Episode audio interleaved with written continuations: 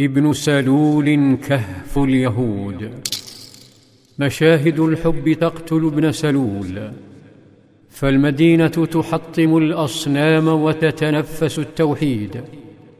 فيتهور ويطلب من النبي صلى الله عليه وسلم التوقف عن الدعوة.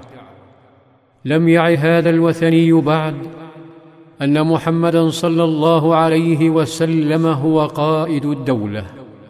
توجه صلى الله عليه وسلم بسؤال لقريبه سعد بن عبادة طالبا رايه نظر سعد بإجلال إلى نبيه ملتمسا العفو وقائلا يا رسول الله أعف عنه واصفح فوالذي أنزل عليك الكتاب لقد جاء الله بالحق الذي أنزل عليك ولقد اصطلح أهل هذه البحره على أن يتوجوه فيعصبوه بالعصابة أي بعمامة القيادة. فلما أبى الله ذلك بالحق الذي أعطاك شرق بذلك فذلك الذي فعل به ما رأيت.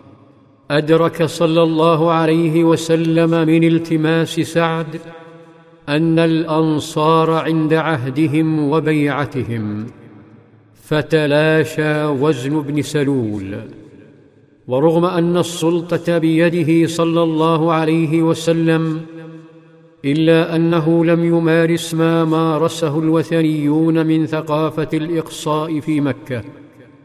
بل أمر أصحابه وهم الأكثرية بتجاهل شتائم المعارضين الأقلية وهم الوثنيون واليهود والصبر عليهم والعفو عنهم.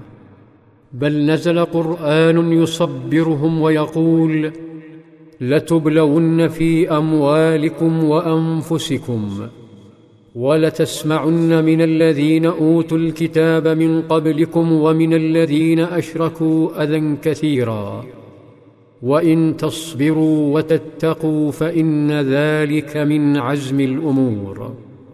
أضحى صلى الله عليه وسلم بتلك الآيات عدلا وظلا وارفا للمسلمين واليهود والوثنيين. وإلا لما تجرأ أحد منهم حتى على الهمس.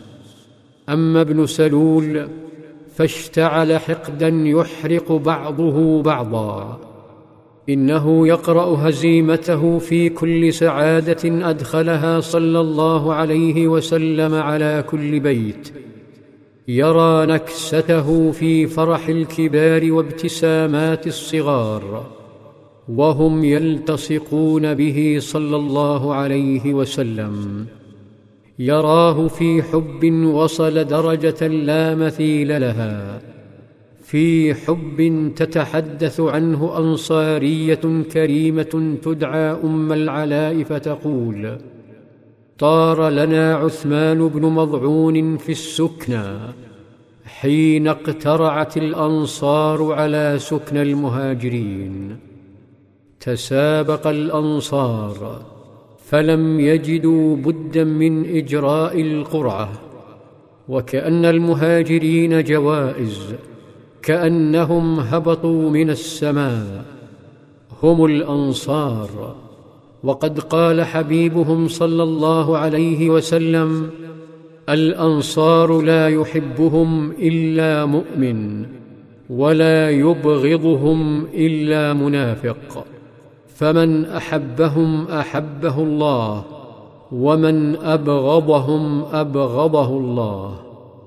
ذات يوم يدخل المدينة رجل غريب يبحث عن النبي صلى الله عليه وسلم حتى وجده فاستضافه صلى الله عليه وسلم فلم يجد في بيته سوى ماء.